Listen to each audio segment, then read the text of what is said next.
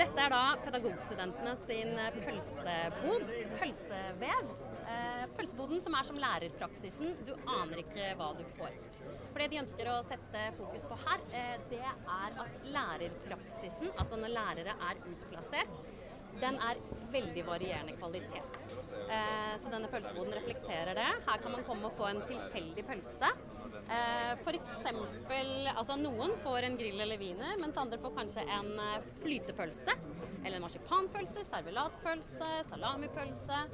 Her har vi alle slags pølser. Noen får kanskje også bare en sosis. Um, og alle som får pølser, får også med et pølsepapir med oppropet til pedagogstudentene på. For her er målet å få gjennom en ny standard for hvordan lærerpraksis skal gjennomføres. Eh, så det samles underskrifter på pølsepapir som kan postes i postkassa. Hva er den eh, beste pølsa eller beste praksisplassen du kan få her?